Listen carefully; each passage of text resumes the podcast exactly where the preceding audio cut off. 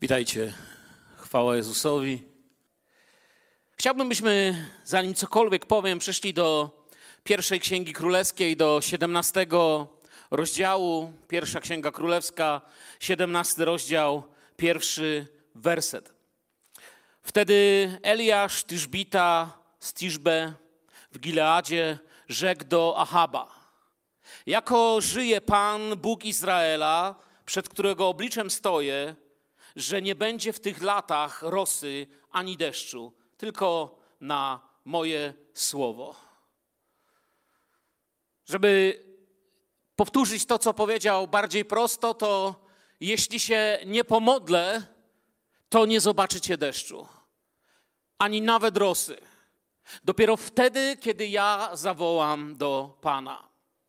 I tak nie było nie tylko deszczu, ale nawet jak wiemy, rosa nie zraszała ziemi. I Bóg używa tutaj Eliasza jako swojego rzecznika przy panującej ponad trzy lata suszy.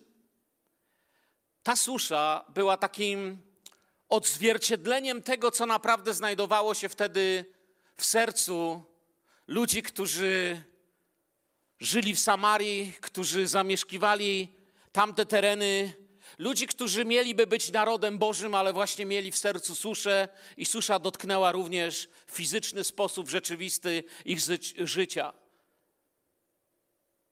Susza zamienia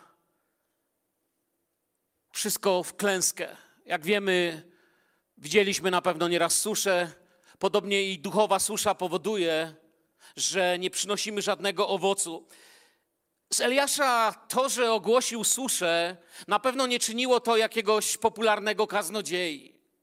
Gdyby ogłosił, że teraz Boże błogosławieństwa wyleją się w szczególny sposób, a ludzie niczego by nie musieli robić, może by się im podobało.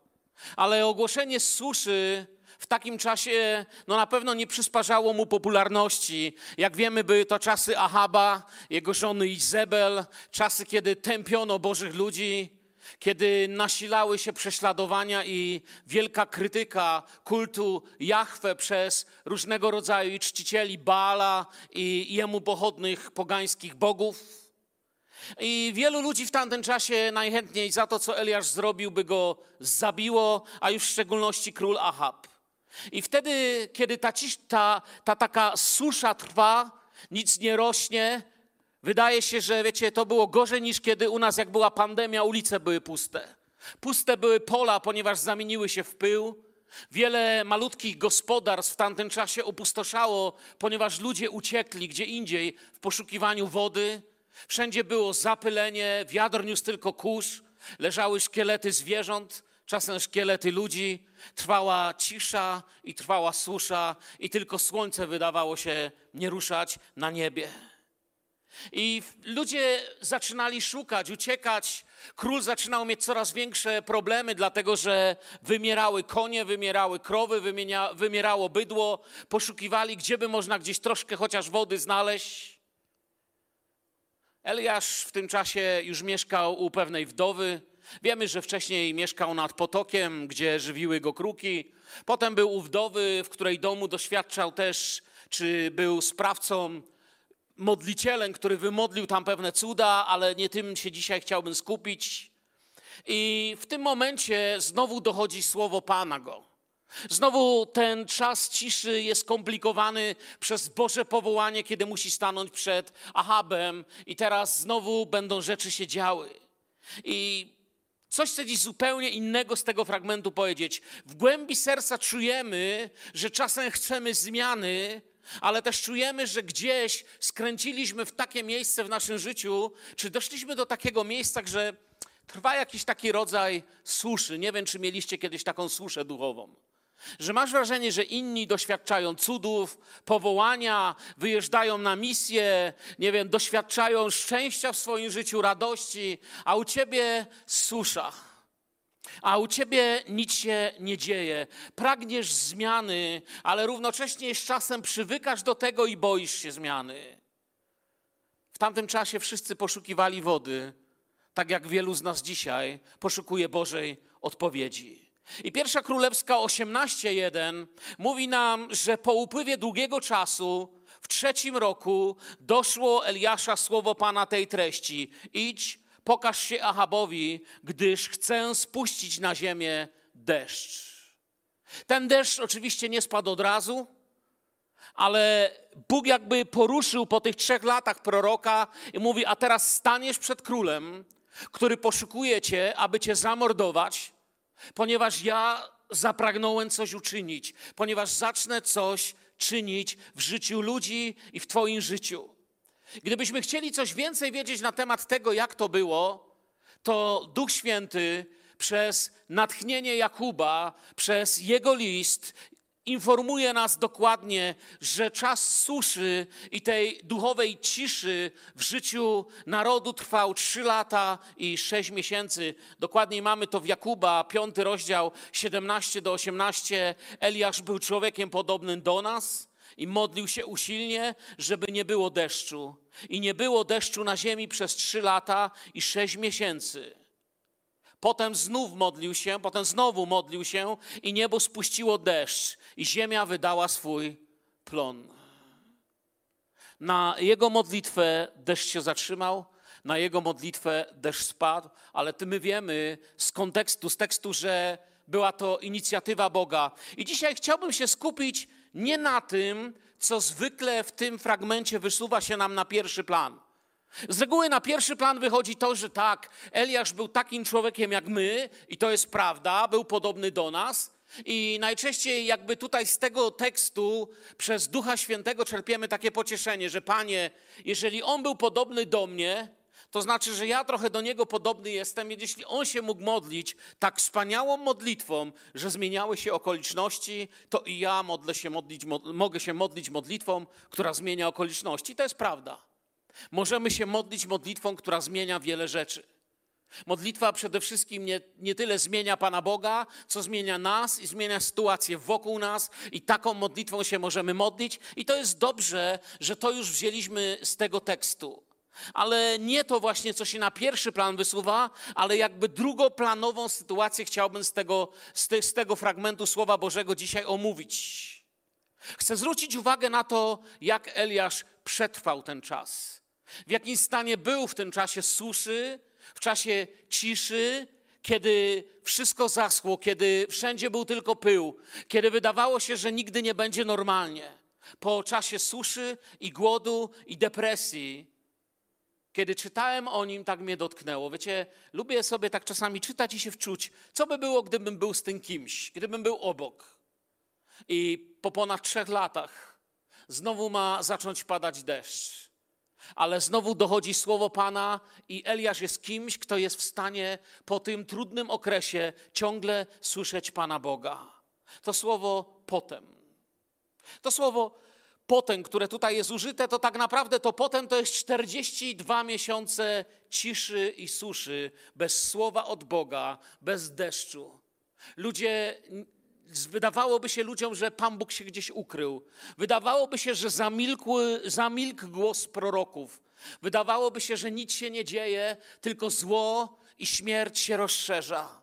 Bóg w tym czasie działał. Działał w domu wdowy, był realny, ale ogólnie, jak mówię, panowała susza i cisza. I ta cisza i susza, czy to nie jest sytuacja duchowej rzeczywistości, niektórych z nas. To znaczy, mamy dużo wspomnień o Bożym działaniu, ale wielu z nas nie potrafi powiedzieć, kiedy w ostatnim czasie Bóg w jakiś sposób nami pokierował, poprowadził nas, powołał nas do czegoś.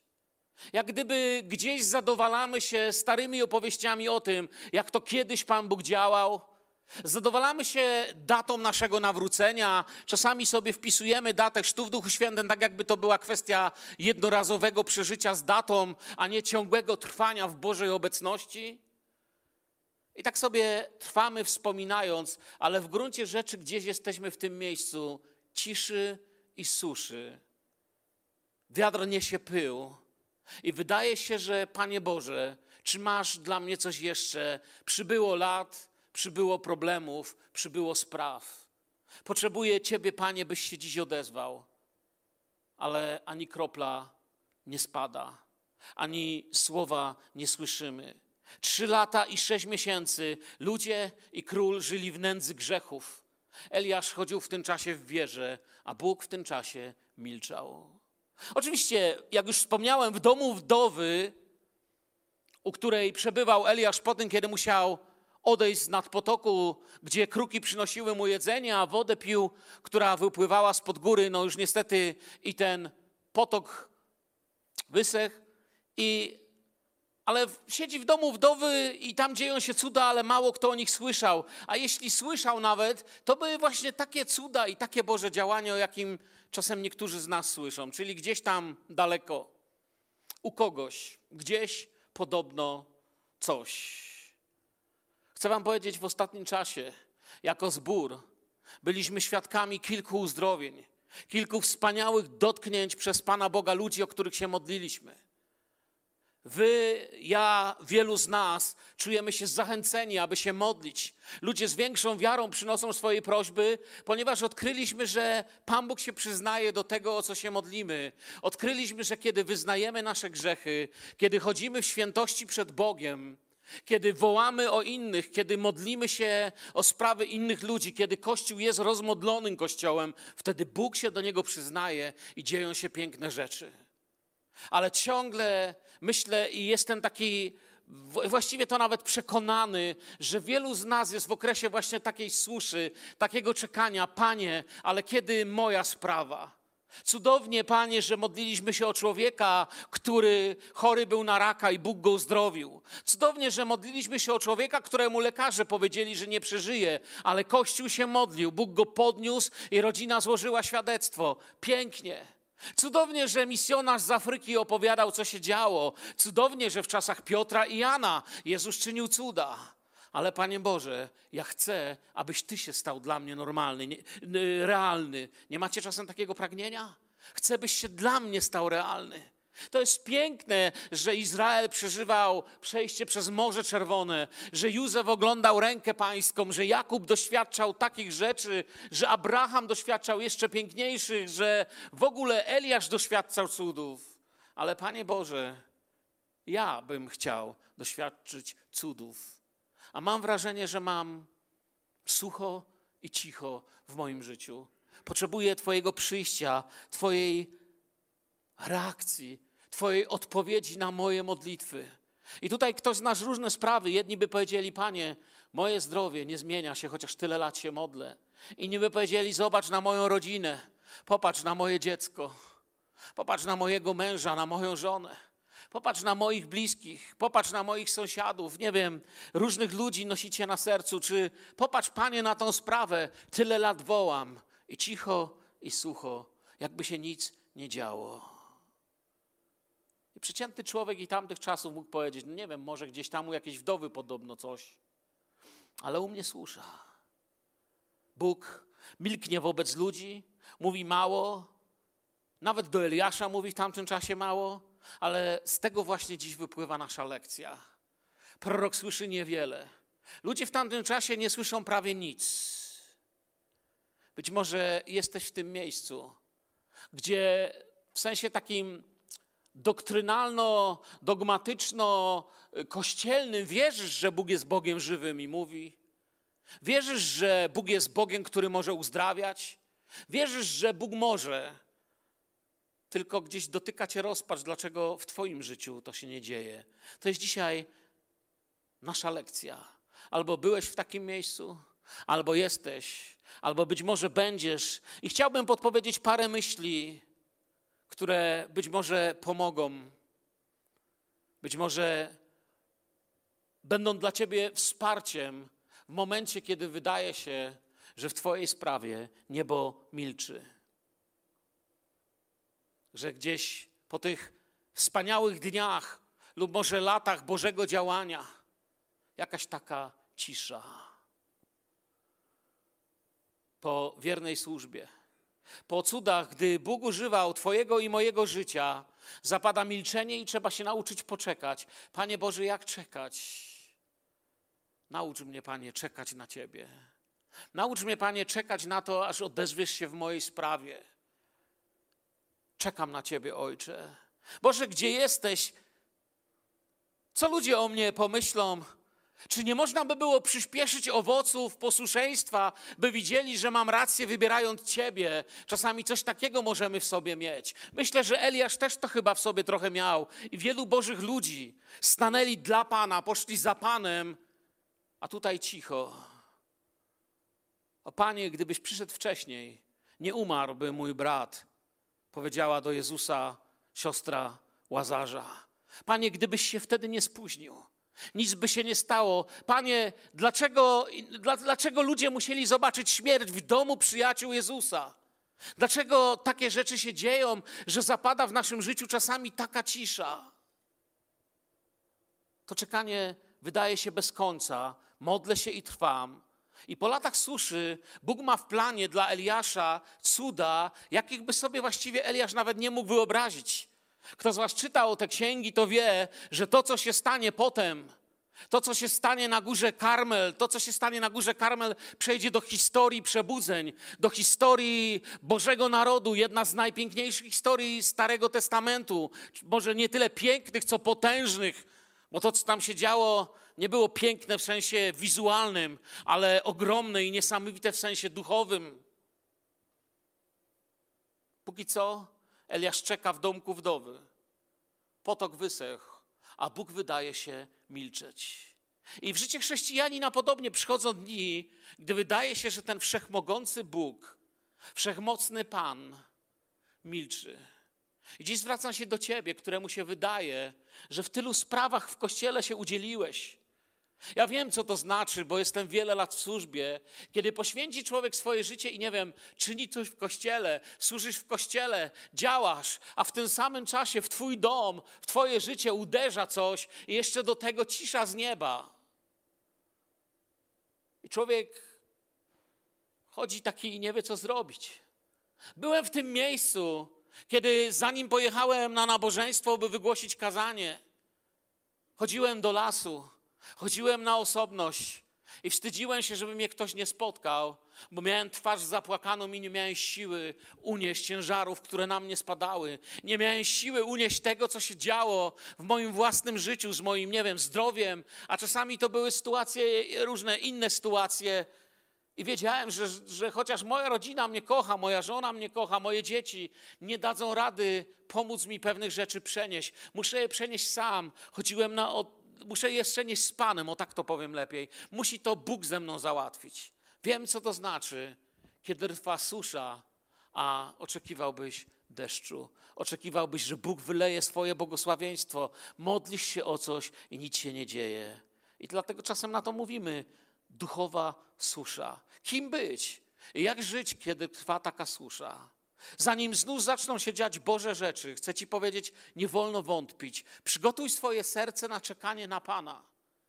Chcę Ci powiedzieć, jeżeli jesteś człowiekiem, który wyznał swoje grzechy Bogu, który chodzi przed Bogiem w świętości, czyli nie jesteś w miejscu, gdzie Twój grzech oddziela Cię od Boga, gdzie Twoje modlitwy nie są wysłuchane i właściwie szczerze sam przed sobą wiesz, dlaczego nie są wysłuchane. Nie mówię teraz o takiej sytuacji, bo wtedy człowiek wie, że raczej nie ma co liczyć na żadną odpowiedź, ponieważ, nie wiem, uparcie trzyma się jakiegoś brudu, jakiejś agresji, jakiegoś zła. Tu nie będę w tym kierunku szedł. Ja mówię o miejscu, kiedy stajesz i patrzysz w oczy bliźnich, patrzysz w górę, w niebo i mówisz, Panie, co mam zrobić jeszcze? Co byś jeszcze, Panie, chciał? Ja już nie wiem, co mam zrobić. Jeżeli widzisz we mnie coś nie tak, to mnie z tego oczyś, ale tak bardzo w sytuacji, w której jestem, potrzebuję Twojej odpowiedzi. Jak wtedy żyć? Jak wtedy trwać? Zanim znów zaczną się dziać Boże rzeczy, by nie zwątpić, by być oczekującym, a nie gorzkniejącym, by być ciągle takim przaśnym, a nie jakimś zgorzkniałym, skwaśniałym, zepsutym. Po pierwsze, chcę powiedzieć, nie lekceważ ciszy. Bóg nie umarł. Chociaż modlisz się i nie dostajesz jeszcze odpowiedzi, Bóg nie umarł. Jestem przekonany w oparciu o świadectwo Słowa Bożego, jak i własnego życia, że kiedy doświadczamy takiej ciszy duchowej, kiedy nie masz odpowiedzi na Twoją modlitwę, Bóg coś przygotowuje, Bóg działa. Bóg chce, abyś Ty był też gotowy. Dlatego mówię, że często modlitwa Wydaje nam się, że zmieniła decyzję u góry, ale często modlitwa jest czymś, co przede wszystkim nas musi zmienić. Bo Bóg już dawno zdecydował, Bóg cię przygotowuje. On ma coś, coś przygotowuje, najczęściej nas samych. Zawsze wielkie rzeczy, wielkie wymarzone rzeczy, oczekiwania na wielkie modlitwy działy się po okresie wielkiego czekania. Kiedy naród wybrany chciał wejść do nowej ziemi, Jozue im musiał powiedzieć: Uświęćcie się, oczyście się, bo jutro Pan poprowadzi nas. Kiedy jakakolwiek rzecz się działa, ważna, istotna w duchowym świecie, Bóg przygotowywał do tego swój naród. Chcę, byście zapamiętali, nie lekceważ ciszy, bo nie ma takiego okresu, gdy Bóg nic nie robi. To nam się wydaje. Pamiętam, kiedy zakładaliśmy zbór w Estonii, w więzieniu, to zanim pojechaliśmy do tego, zanim wiecie, to wszystko się zaczęło, to mieliśmy taki, taki czas. Moja żona na pewno pamięta, mieliśmy ile? Cztery babcie i jednego pijaka, nie? I, I to był nasz zbór. Cztery babcie, których żadna chyba nie była jeszcze nawrócona, może któraś była, nie wiem, była któraś? No nie sami nie wiemy, podobno tak. Jeden jakiś gościu podpity czasem przychodził i jak ja nie mogłem powiedzieć kazania, to moja żona brała magnetofon i mi z kasety puszczała i to było wszystko. W starym, wiecie, zawilgoconym domu kultury. Gdyby wtedy ktoś z was przyjechał, powiedziałby, ale z ciebie misjonarz, chłopie, no to masz naprawdę rewelacyjną robotę robisz. Cztery babcie i jeden pijak. Z czego żaden na razie się chyba do końca nie nawrócił, a kasety, a kazania puszczacie z kasety. Czy z tego może być kościół? I cisza właściwie. Niebo wydawało się milczeć. Ja się modliłem, Boże, chcę służby. Pragnę służby. Pamiętam, jak później, po jakimś czasie, jeden z moich kochanych mentorów i przyjaciół powiedział mi taką rzecz. Widzisz, mówi Mirek, tobie się może wydawać, że to jest czas, kiedy siedzisz sobie w domu, kiedy nie masz służby, no bo, bo jaka to była służba, no to ile można z czterema babciami siedzieć, no. My ich kochaliśmy, no ale no wiecie, no ile można, nie? No, no co, codziennie nabożeństwo z kasetą robić? Język się uczyłem dopiero, ale działaliśmy, nie? Ale on mi wtedy powiedział tak, widzisz, kiedy wydaje ci się, że siedzisz w domu, nic się nie dzieje, dzień mija za dniem i patrzysz, ludzie chodzą do pracy, pracują, no a ty siedzisz w domu i, i zaczynam mieć nawet wyrzuty sumienia powoli, że inni pracują, chodzą do roboty, a ja no misjonarz. Mija tydzień, drugi, trzeci, piąty, siedzi w domu. Powoli człowiek zaczyna się zastanawiać, czy wstawać jeszcze na modlitwę, czy już nie wstawać. Co właściwie moje życie robi? I ów mój mentor otworzył mi oczy na duchową rzeczywistość. On powiedział: To nie jest czas na to, abyś leniuchował, i to nie jest czas na to, abyś narzekał, że Bóg cię do niczego nie używa i nie ma żadnej roboty. To jest czas, który Bóg ci dał, bo ma dla ciebie niesamowitą pracę, ale chce cię do niej przygotować. Nie będziesz miał potem czasu, aby tyle Biblii czytać, co możesz teraz. Nie będziesz miał potem czasu, aby tyle notatek zrobić ze Słowa Bożego, co teraz. Nie będziesz miał potem czasu, aby przygotować swoje serce na prowadzenie Duchem Świętym tak jak teraz. I to były prorocze słowa tego człowieka. Potem oczywiście, i wiem, że i z Filadelfii byli ludzie, którzy przyjeżdżali tam do nas i widzieli, wszyscy, którzy przyjeżdżali, ponad 350 kryminalistów, wielki, silny zbór. Tu dostawaliście raporty od tych, którzy stąd byli, że, że działamy tam, że, że misjonarze działają, że wiecie, pierwsza szkoła biblijna w więzieniach w byłym Związku Radzieckim, cudowne rzeczy ale one były właśnie poprzedzone ciszą. Wszystko stało w miejscu. Gdybyście przyszli ileś miesięcy wcześniej, w tamte ciche tygodnie i wrócilibyście, powiedzielibyście, wiecie jaką on ma misję? Chłop wstaje rano, siedzą z żoną, jedzą, piją kawę, idą na spacer, potem jest popołudnie, potem piją drugą kawę, a potem idą spać. Fajnie mu. I ja tak też to widziałem. Cisza, panie, czy jest coś? I dopiero dojrzały duchowo człowiek mi powiedział: Pan coś przygotowuje. A więc nie lekceważ ciszy, po pierwsze. Po drugie, bądź w bliskości Boga, kiedy nie ma odpowiedzi na Twoją modlitwę. Ucz się Boga, kiedy nie ma odpowiedzi na Twoją modlitwę. Chciałbym, byście to zapamiętali. Wiecie, On w historii zawsze przychodził na czas. Słyszycie mnie, przyjaciele? Bóg zawsze przychodził na czas. Przeczytałem gdzieś kiedyś, ja się interesuję trochę kolejami też że w Japonii, kiedy dodali wszystkie spóźnienia pociągów japońskich, Wiecie, ile wyszły w ciągu roku? 18 sekund. Wszystkie pociągi w całej Japonii, kiedy sumowano ich spóźnienia, wyszło 18 sekund. W Polsce też sumowali i wyszło 5 milionów sekund. Co się śmiejecie? Statystyki, nie? Znaczy wiecie, w statystyki to też tak nie do końca można wierzyć, bo statystycznie, no to wiecie, to, to różnie bywa, nie? Statystycznie facet z psem mają po trzy nogi, nie? To, to są statystyki, ale y, Pan Bóg się nigdy nie spóźni. Bóg nigdy się nie spóźnił, gdy, y, wiecie, przyszedł tam, gdzie był Łazarz, co już dziś wspomniałem, to też powiedzieli, Panie, gdybyś tu był wcześniej, tak jakby się spóźnił. On się nie spóźnił. Właśnie w tym momencie miał przyjść, co przyszedł. Zresztą mamy w Biblii takie miejsce, że kiedy potrzebny był dłuższy dzień, to Pan Bóg potrafił zatrzymać słońce albo cofnąć cień. Pamiętajcie, my mamy może zegarki, ale Pan Bóg ma czas. Bóg nigdy się nie spóźni. Bóg zawsze przychodzi na czas. I dlatego, jak powiedziałem, po drugie, trwaj w bliskości Boga. Ucz się Boga, ucz się tego, że to od Niego przyjdzie odpowiedź. Słyszycie mnie? To od Niego przyjdzie odpowiedź. Ja mam w domu Ruperta. Rupert najbardziej lubi sałatę i marchewkę, to znaczy to jest świnka Anety. Ale już wszyscy wiedzą, kim jest Rupert, więc nie muszę mówić. I kiedy się przychodzi do Ruperta, to Rupert zawsze ma nos wpatrzony w te drzwi, z których my przyjdziemy. Rupert wie, że stamtąd nie przyjdzie sałata, ani stamtąd. Sałata przychodzi z jednego kierunku, z tych drzwi. Rupert myśli, że gdzieś tam musi być mistyczna kraina marchewek i sałaty, z której przynosimy mu marchewkę i sałatę. Ale Rupert zawsze tam patrzy. Jego kierunek jest jeden. Tam jest jego nadzieja. Tam wznosi swoje oczy. Stamtąd przybędzie marchewka i sałata. My ludzie czasami wiemy, skąd nadejdzie Pan. Wiemy, że Bóg zawsze działa w Chrystusie. Jakby wiemy, z którego kierunku przychodzi Pan, ale jednak zaczynamy się rozglądać. Boży głos, Boży ruch, Boże działanie przyjdzie zawsze z tego samego kierunku. To nie jest północ ani południe. To jest zawsze Boże Słowo. Zawsze wszystko rozpoczyna się z Bożego Słowa. Ktoś kiedyś powiedział mądre słowa, nie znam autora, jak znacie, to mi powiecie po nabożeństwie, że kiedy nie słyszysz Boga i masz pragnienie słyszeć Boga, to najlepiej zacząć od głośnego czytania Słowa Bożego. I usłyszysz, a potem będziesz słyszał więcej i więcej i więcej. I widzicie, Rupert wie, z którego kierunku oczekiwać sałaty.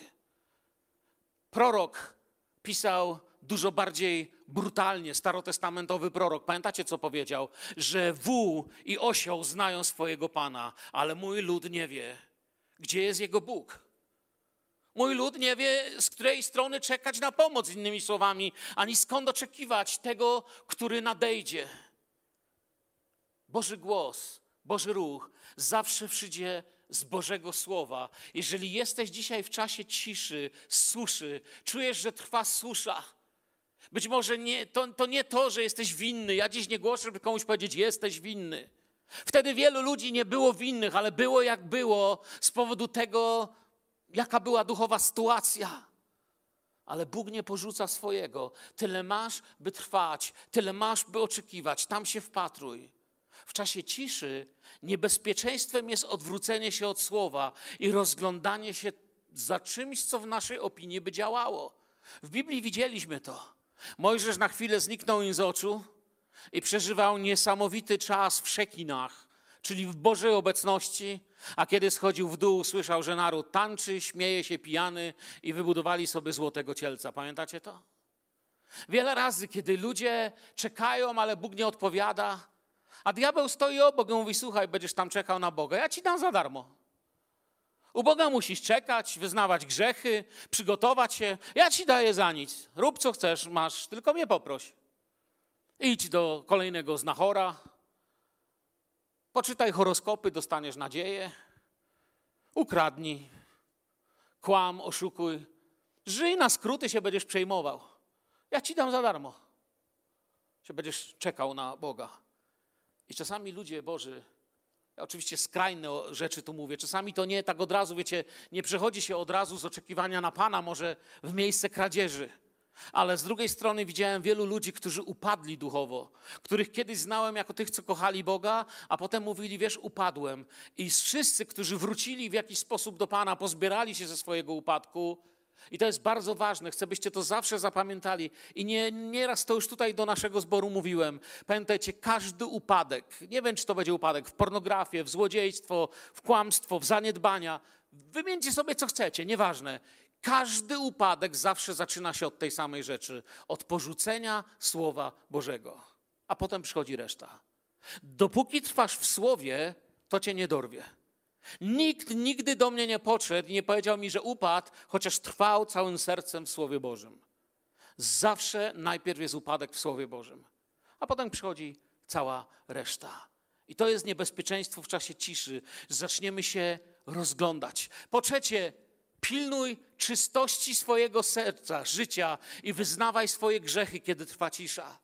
Nie myśl sobie tak, że skoro Bóg nie odpowiedział ci od dwóch czy trzech lat, skoro to, co się nie modlisz, się nie dzieje, to właściwie ja też mogę trochę zapuścić ten mój ogródek.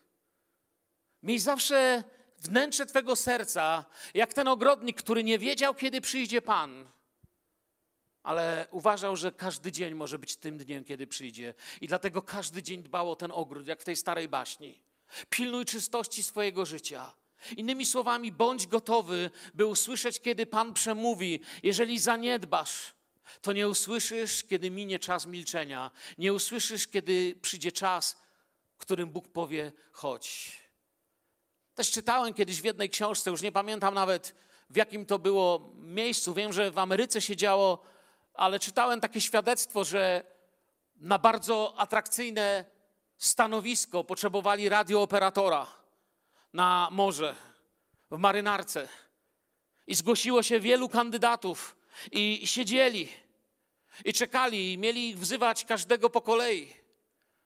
I jeden, wiecie, coś czytał, drugi tam coś na telefonie grał, każdy się zajmował czymś tam. Przeczytałem w książce to. I nagle jeden z tych kandydatów wstał, Wszedł do tego biura, chociaż nikt go nie zawołał, i po chwili wyszedł uśmiechnięty i poszedł.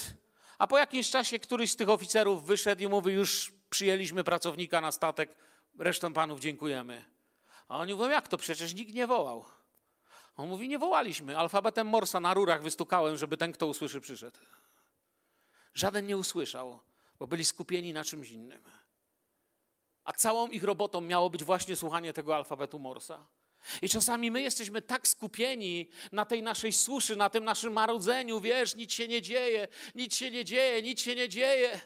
Trochę jak Kościół, kiedy się modlił o Piotra, pamiętacie? Piotr był w więzieniu, Kościół się modlił o Piotra, Bóg uwolnił, spadły kajdany. Piotrek wrócił do domu, wali do drzwi, a otwiera kobieta i mówi: Poczekaj, modlimy się o Piotra, bo jest w więzieniu. Nie zauważyła, myśleli, że to jakiś anioł, duch. Pamiętacie ten moment, nie? Oni nie byli pewni, czy to on. Tak się modlili o tego w więzieniu, że kiedy przyszedł ten wolny, nie byli gotowi. Oczywiście troszeczkę tutaj sparafrazowałem. Kościół założył nowy zbór, byli czuli na Boży głos i udali się do miejsca, gdzie Bóg postanowił rozszerzyć swoje życie, gdzie tysiące zdrowych ludzi zadowolało się narzekaniem, że no dzisiaj niestety nie chcą się dziać cuda. Oni doświadczali cudu narodzenia się Kościoła. Izraelici w tamtym czasie poszli za innymi bogami i nie wyczuli, kiedy Bóg był blisko, bo oni byli za daleko. Zapominamy o Bogu w pędzie życia i prosimy, by pamiętał o nas dopiero wtedy, jak szczelimy dobrze w jakieś drzewo. I wtedy dopiero, jak w tej kreskówce, zjeżdżamy po tym drzewie, takie ptaszki naokoło i Boże, ratuj. Gdzie jesteś, Panie? Tracimy czasami wszystko, co zyskaliśmy. Przyzwyczajamy się, że żyjemy w takich czasach, jak są. Wiecie, chcę Wam powiedzieć, nigdy nie utraćcie tego, co Bóg Was uczynił, tego, dokąd Was powołał, tego, byśmy byli oblubienicą, która czeka, bo Pan nas chce wziąć do domu. Amen? Wiecie, nic nie pocieszy tego, kto utraci szansę na niebo. Jeżeli stracisz szansę na niebo, uwierz mi, że nic cię nie pocieszy. I nic nie pocieszy tego, kto znajdzie się w piekle. To są te dwie rzeczy, na które nie ma we wszechświecie pocieszenia. Człowiek, który utraci Bożą obietnicę, jest człowiekiem nie do pocieszenia. Człowiek, który nie trafi do Bożej obietnicy, jest człowiekiem nie do pocieszenia. nic go nie pocieszy. A czasami przez wiele lat życia właśnie to nic wybieramy, cienie rzeczy wybieramy. I to nic bywa naszym wyborem. Po czwarte czy po piąte, nie pamiętaj, nie pamiętam, trzymaj się tego, co już przeżyłeś z Bogiem, co poznałeś. Pamiętam, spytałem kiedyś starszego w wierze brata, jak sobie radzisz, kiedy modlisz się o coś ważnego, a Bóg absolutnie i w ogóle nie odpowiada. Masz czasami, mówię, taki problem, że czujesz, że może Boga nie ma, że się pomyliłeś, że, że może to wszystko wcześniej to był przypadek, ale teraz, kiedy najbardziej trzeba, nie ma Boga? I nie, żebym miał taki problem, ale zmagałem się jako duszpasterz z osobą, która miała poważny problem z wiarą. I pamiętam, jak ten brat otworzył nam oczy, powiedział do mnie coś takiego: Wiesz co, nie wiem, czy na to coś Bóg odpowie mi dziś. Nie wiem, czy na to przyjdzie od, o- odpowiedź, ale mam postawiony w moim życiu jak kamienie, jak pomniki, rzeczy, które Bóg już uczynił w moim życiu. I spojrzę na nie i wiem, że jest odpowiedź u Pana. I wiem, że w swoim czasie Bóg przychodzi. I nie wątpię dziś, bo odwracam oczy ku temu, kiedy wołałem i On zawsze przychodził, zawsze odpowiadał, zawsze działał. Nie zawsze wtedy, kiedy ja bym chciał. Najczęściej inaczej.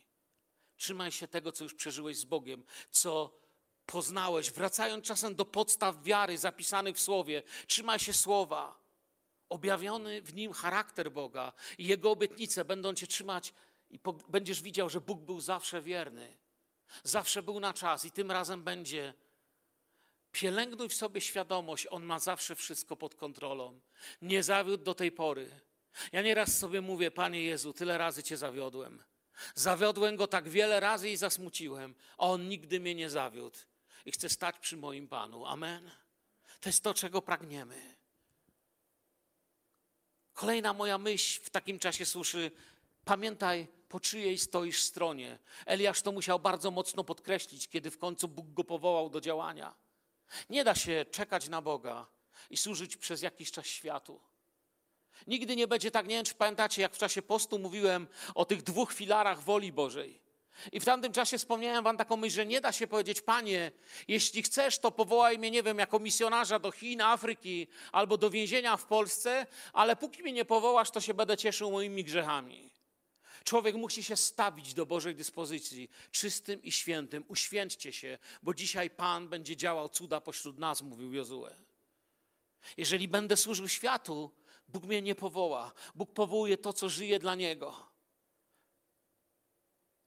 miejsce zaniedbania. Jeżeli się zaniedbamy, wejdzie nuda. Nuda sprowadza grzech, a grzech prowadzi do tragedii. I nie próbuj z braku Boga budować kościoła po swojemu, bo z tego będzie kolejny złoty cielec. Pamiętajmy, po czyjej stoimy stronie. Bóg nigdy nie pójdzie na kompromis z metodami tego świata. To się zawsze kończyło albo sektą, albo złotym cielcem. I często ostatnio się mówi, że naśladowanie Jezusa kosztuje. I to jest prawda. Niedawno sam te słowa powiedziałem, bo ktoś powiedział, szkoda, że dzisiaj nie ma takiego kościoła jak w dziejach apostolskich. Ja odpowiedziałem, że wiesz co, może nie ma takiego kościoła jak w dziejach apostolskich, ale dzieją się wielkie rzeczy. Inna rzecz, że nie wszyscy ludzie chcą zapłacić cenę za kościół dziejów apostolskich. Ale potem zrozumiałem, że jest wielka cena za chodzenie z Jezusem, ale jest jeszcze większa cena, że odrzucenie chodzenia z Jezusem. To jest jeszcze droższe i jeszcze straszniejsze choć czasem w oddalonym terminie. Chyba po siódme albo po szóste. Wyznaj Bogu ufność. To jest ważne. Wyznaj Bogu ufność. Czas ciszy nie powinien być wypełniony strachem. Nie może być tak, że nazywam Jezusa Panem, a rządzi mną strach. To albo strach jest moim Panem, albo Jezus. Jedno z dwóch. Nie da się równocześnie. Bóg nigdy nie odwołał swojej miłości. I kiedy dopada cię strach, to miej odwagę na łóżku w nocy, w ciemności, albo po środku dnia wyciągnąć swoją rękę i pomodlić się, Panie, wyznaję i wiem, że Ty nigdy nie odwołałeś swojej miłości i dziś wyznaję, że Cię kocham i nigdy nie odwołam mojej, wybieram Cię jako pierwszego. Wybieram Cię jako mojego Pana i nie pozwolę, żeby strach panował nade mną. Wyznawaj Panu już dziś swoją wiarę. Pamiętaj, gdzie kierujesz oczy wiary, kiedy trwa cisza. Bo ci, o których się modlisz, doświadczą Bożej obecności, chcę Ci powiedzieć. To, co wołasz do Boga, Bóg Ci odpowie. Ale nie zagłódź swojej wiary marudzeniem. Mógłbym to powiedzieć inaczej. Wierz więcej, a nie wierz mniej. Ufaj, że Bóg nigdy nie zawodzi w swojej miłości. Po kolejne, po ósme albo po siódme, mogłem sobie ponumerować, teraz nie wiem. Ale co ważna prawda duchowa, czekaj na Pana. Ten przystanek działa. To jest przystanek, na który Bóg ciągle przyjeżdża, aby zabrać tego, kto go oczekuje. Ponieważ ci, którzy oczekują Pana, to są naprawdę błogosławieni ludzie, którzy oczekują Pana. Co się wam dalej podłączę? Jakie słowa? Amen. Tak jest. Którzy oczekują Pana. To oni. Ten przystanek działa. Cudownie działa. Wiecie, są przystanki, na których nic nie jeździ. Ja na takim kiedyś stałem parę godzin, bo mi nikt nie powiedział. Opowiadałem wam tu, zdaje się, kiedyś świadectwo z Turkmenistanu. Pani mi sprzedała bilet za 10 razy tyle, ile był warty, nic mi nie mówiąc, na autobus. I nie powiedziała mi, że od dwóch lat nie kursują. Widzi głupi turysta, to czemu mu nie sprzedać coś? W Aszkabadzie. Tam dawno nie jeździły autobusy. Ja z tym biletem stoję i stoję, jak kołek. Problem w tym, że nic nie jeździło. Ale Bóg tak nie działa. Bóg nie dał wam słowa Bożego, które już nie działa. Bóg nie skasował was więcej i nie powiedział, dawaj mi, ja ci dam, a potem nie błogosławi. Ale Bóg powiedział, kochaj mnie, a otoczę cię moją miłością. Oczekuj na Pana, a ten przystanek działa. Właśnie dlatego mówiliśmy o budowie swojej wiary. Wiara jest pewnością tego, co oczekujesz. Wiesz, Bóg działa, Pan na pewno odpowie z tą myślą. Ja z tą myślą, że Bóg odpowie, zasypiam. Teraz wiecie, kiedy mam ten przywilej, stać i służyć Wam. Przez wiele ostatnich wieczorów czy poranków budzę się z tą myślą, Panie, proszę Cię, potrzebuję mądrości. Dziękuję, że niektórzy z Was do mnie dzwonią i mówicie, gratulujemy, błogosławimy Cię. To ci, co dzwonią, wiecie, jaka jest moja odpowiedź. Jeśli chcecie mieć dobrego pastora, módlcie się o niego, módlcie się, żeby Bóg obdarzył nas pomazaniem Ducha Świętego i mądrością, bo w człowieku na pewno nie ma żadnej odpowiedzi. Człowiek tylko zawieść potrafi. I zasypiam z tą myślą, moja wiara jest pełnością tego, czego się spodziewam, co oczekuję. Oczekuję, że Pan Bóg uratuje jeszcze wielu wśród tych, których kocham i których może nawet jeszcze nie znam. Wierzę, że Bóg wyleje swojego ducha na to miasto. Wierzę, że ta susza nad Polską się kończy, że ta korupcja się kończy, że upadnie wiele rzeczy, chociaż nie tak, jak nam się to wydaje. Może nie tak bajecznie i nie tak idylicznie, ale Bóg użyje potężnie swojego Kościoła w Duchu Świętym. I nie opieram mojej wiary na manipulacji psychologicznej, opieram na Słowie Bożym. On powiedział, On powiedział, byśmy się modlili, więc chcę się modlić. On powiedział, że nie mówiłem do was w ukryciu. Nie mówiłem tak, byście nie słyszeli, ale mówiłem tak, byście widzieli, słyszeli. Proście, będzie wam dane. Wołajcie, a narody zostaną dane. Tylko, czy chcemy być w tym miejscu, czy chcemy być na tym przystanku? Kiedy ostatnio modliłeś się więcej niż marudziłeś. Albo jeszcze inaczej to powiem. Kiedy ostatnio, zamiast powiedzieć, że nie wiem, czemu Bóg nie robi tego, co chce, uklękłeś przed Bogiem i powiedziałeś: Panie, naucz mnie rozpoznawać Twoją wolę. Naucz mnie być wdzięczny za to, cokolwiek się stanie. Czy czasami Bóg musi nas zepchnąć bardzo nisko, byśmy zechcieli rzucić to, w co ufamy, co nas obciąża. Wiem, że to może brzmi brutalnie, ale zauważyłem, albo inaczej powiem, może nie tyle Bóg nas spycha, co pozwalamy, by okoliczności życia nas nisko zepchnęły, bo dopiero tam odrzucamy nasze złudzenia i dopiero Bóg może powiedzieć: Teraz ja mogę działać. Bo wcześniej byliśmy otoczeni złudzeniami zamiast wolą Bożą.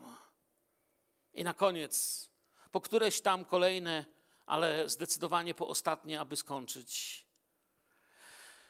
Kiedy jest cisza, Bądź gotowy. przyjdzie taki dzień. Wiecie, niektórzy opuszczają swoje nabożeństwa, opuszczają czytanie słowa. Jestem przekonany, że opuszczają moment, który mógł powiedzieć Bóg. Kiedyś jedna osoba mi powiedziała, kiedy czytaliśmy statystyki, ile aborcji dokonano. W tym czasie, kiedy rozpaczał świat nad tym, ile ludzi umarło na koronawirusa, statystyka światowych aborcji przekraczała to, to są w milionach, słuchajcie, liczby, w milionach ciężkich. I ktoś powiedział do mnie, wiesz, niektóre z tych zamordowanych dzieci, które się nigdy nie urodzą, mogły być kimś, kto dałby światu coś. Może wynalazłby lekarstwo na raka? Może byłby odpowiedzią na coś, na co świat nie ma odpowiedzi, ale go zabito i nie wiadomo, czy ta odpowiedź będzie. Nie wiem, co o tym myśleć. To była tylko nasza taka dyskusja. Ale zdecydowanie potem, kiedy myślałem o modlitwie i o swoich zaniedbaniach w modlitwie, przyszło mi coś równoległego. Że czasami traktujemy sobie lekko, a tam taka mała środa, a tam taka mała niedziela, a tam to jedno nabożeństwo w tą czy w tamtą, a tam, bo ważniejsze coś innego. Widzisz, problem polega na tym, że być może to był dzień, który byłby w przyszłości Twoim świadectwem. Słuchaliście kiedyś świadectw misjonarzy? Wiecie, kiedy Bóg mnie powołał? Czasami ludzie mówili, wiesz, tak ci fajnie byłeś na misjach. To był zwykły piątek. Wstałem o szóstej i poszedłem się pomodlić. I wtedy to się stało. Było nas może na modlitwie pięciu, sześciu, szósta rano. Postanowiliśmy się pomodlić o świcie do Pana. I wtedy Bóg mi to położył na sercu. A inna osoba powiedziała: Nie wiem, co ci Bóg powiedział, ale mam dla ciebie słowo. To, co ci powiedział, jest od Niego i idź za tym. To był ten dzień. Czterech czy pięciu nas było. Innym razem pamiętam, mieliśmy takie małe spotkanie mieć modlitewne. I zapowiedziało się wtedy, myślę, myślę, że miałoby być około 70 osób. Niestety z różnych powodów ludzie nie przyszli i się okazało, że jest nas chyba, było nas wtedy 6 osób. Czy nawet nie 10% tego, co miało być. Zaczęliśmy się modlić. Tamtego wieczoru dwie osoby Bóg ochrzcił Duchem Świętym. Tamtego wieczoru spoczął na nas Duch Święty i śpiewaliśmy i modliliśmy się przez kilka godzin. Normalnie weszliśmy w coś takiego, jakby nas było, nie wiem, tysiące na sali i jakby grał najlepszy uwielbiający zespół. Jakby nasze emocje ktoś pobudził, ale tam nie było ani zespołu, ani emocji, ani niczego, co by nas stymulowało oprócz obecności pańskiej. Nie traktuj lekko spotkań z Panem. To nie tylko mała środa, to nie tylko mała niedziela, to nie tylko jeden poranek bez czytania słowa, to nie tylko coś małego. Być może właśnie wykreśliłeś z kalendarza dzień, który miał zmienić kierunek Twojego życia, bo uznałeś, że to byle co. Spotkanie z królem nigdy nie jest byle czym. A więc po któreś tam z kolei, jak mówiłem i ostatnie, mów Panie, sługa Twój słucha. Niech to będzie nasza postawa. Pierwsza Królewska 18, 1, 2. Powiedziałem, że wrócę jeszcze do tego. Po upływie długiego, długiego czasu w trzecim roku doszło Eliasza słowo Pana tej treści. Idź pokaż się Ahabowi, gdyż chcę spuścić na ziemię deszcz. Poszedł więc Eliasz, aby pokazać się Ahabowi, a w Samarii panował wielki głód. Eliasz w tym czasie, kiedy Bóg się odezwał, nie był pijany ani zaniedbany. Przyszedł dzień, kiedy Bóg naruszył ciszę. I dobrze, że tamtego dnia Eliasz nie powiedział, a to tylko kolejny dzień suszy, to tylko kolejny dzień dziadowskiego życia, które teraz mamy w pyle, kurzu i głodzie. Ale tamtego dnia Bóg się odezwał, jak to stukanie na rurach, gdzie alfabetem Morsa wezwali człowieka na spotkanie. Nikt nie słyszał, ale Eliasz usłyszał. Idź i powiedz, że deszcz się kończy. I on był jedynym, kto usłyszał. Bądź czuły na Ducha Świętego. Duch Święty chce Ci objawić, co się będzie działo w Twoim rodzinie, w Twoim życiu. Przyszedł dzień, gdy Bóg naruszył ciszę i zaczęło się, i sami wiecie, jakie się zaczęły rzeczy dziać wtedy tam. Można sobie poczytać w Biblii. To był dzień, gdy Bóg powiedział: Chcę spuścić na ziemię deszcz. I przepięknie ten moment odsłania mi właśnie Jakub. Nie wiem, czy zauważyliście pewien detal w liście Jakuba, czytałem go wcześniej który tam Jakub odsłonił, że potem znowu modlił się i niebo spuściło deszcz. Bo jakbyśmy czytali tylko Stary Testament, to byśmy powiedzieli, że doszło go słowo Pana, idź i powiedz, że będzie deszcz. Ale Duch Święty w Nowym Testamencie odsłania nam pewną tajemnicę. Mówi, nie, nie, nie, nie, nie. potem znowu się modlił. A więc on był w ciągłym, on był, wiecie, jak mój telefon w internecie. Czy go mam w kieszeni, czy tu on jest zawsze połączony z siecią i kiedy mi wysyłasz SMS-a, SMS do mnie dochodzi, gdzie bym nie był. I on był tak połączony z Bogiem. Kiedy by Bóg nie powiedział słowo, to było jakieś takie bip w jego duszy, kiedy wiedział, Pan powiedział. Był podłączony. Bądź w tym nastroju, mów Panie. Jestem gotowy na Twoje słowo. Nie wiem, czy dziś, czy jutro, czy za pięć lat. Słowo go doszło, bo się modlił. Gdy on chce, mogę być tym, który to ogłasza, który będzie miał słowo. I wtedy zaczniesz mieć słowo. Pewnego dnia rozpocznie się Boże działanie. Ktoś w tym miejscu dostanie takie Boże bip, wstanie i podejdzie do drugiej osoby i powie: Bóg mi powiedział, że kończy się Twój rak, abyśmy się dziś o Ciebie modlili. Nie trzeba będzie używać manipulacji, wiecie. Dzisiaj jest pełno manipulacji. Nie wiem, czy widzieliście takie manipulacje, typu ktoś chodzi po scenie i mówi: Czuję, że gdzieś w tym miejscu kogoś boli kolano. Nigdy się nie poddawajcie takiemu oszustwu. To jest oszukiwanie was. To nie jest żadne pomazanie. W tym miejscu na pewno jest ktoś, kogo boli kolano. Tu jest na pewno ktoś, kogo boli głowa. Tu jest na pewno ktoś, kto się zmaga i musi iść do lekarza wkrótce. Bóg nigdy cię nie wyciągnie na środek, żeby cię ośmieszyć i żebyś jak przyszedł chory, tak chory będziesz wracał. Ludzie w pomazaniu niosą Boże Słowo, Bożą odpowiedź. Żadnej manipulacji, tylko Boży cud i Boża moc.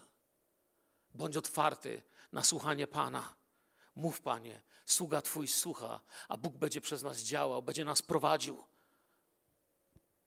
I będą się działy rzeczy. Chyba tyle Wam chciałem dziś powiedzieć. Wstańmy, podziękujmy Jezusowi. Przynieśmy to, abyśmy byli czuli, otwarci na Jego głos. Panie, chcę, byś uczył nas czekać na Ciebie. Chcę, byś uczył nas czekać na Ciebie w ciszy. Panie, prosimy Ciebie, aby wszelkie narzekanie, wszelkie jakieś, Panie, biadolenie z naszej strony, wszelka krytyka, zwalanie winy, że to przez innych, że to, bo ktoś coś. Panie, ja wiem, że jest tylko jeden, kto może przeszkodzić temu, co Ty masz mi do powiedzenia, to ja sam. Że jest tylko jeden, przez czyje lenistwo wiele razy cierpiałem, to ja sam. Panie, wiem, że wiele razy Cię zasmuciłem i wybacz, Panie, że nie zawsze umiałem Cię tak kochać, jak Ty byś tego chciał i ciągle się tego uczę. Ale dzisiaj Cię prosimy, mów, Panie, bo Kościół Twój słucha. Chcemy być ludźmi o otwartych sercach, ludźmi gotowymi być prowadzonym przez duch, prowadzonymi przez Ducha Świętego. Dotknij się, Panie, tych, którzy usłyszeli dzisiejsze przesłanie, że w imieniu Jezusa kończy się ich cisza, że w imieniu Jezusa kończy się martwe oczekiwanie, że chcemy być tymi, do których masz dostęp i którzy mogą rozróżnić i usłyszeć Twój głos w tym hałasie tego świata. O to Cię dziś prosimy w imieniu Jezusa. Amen.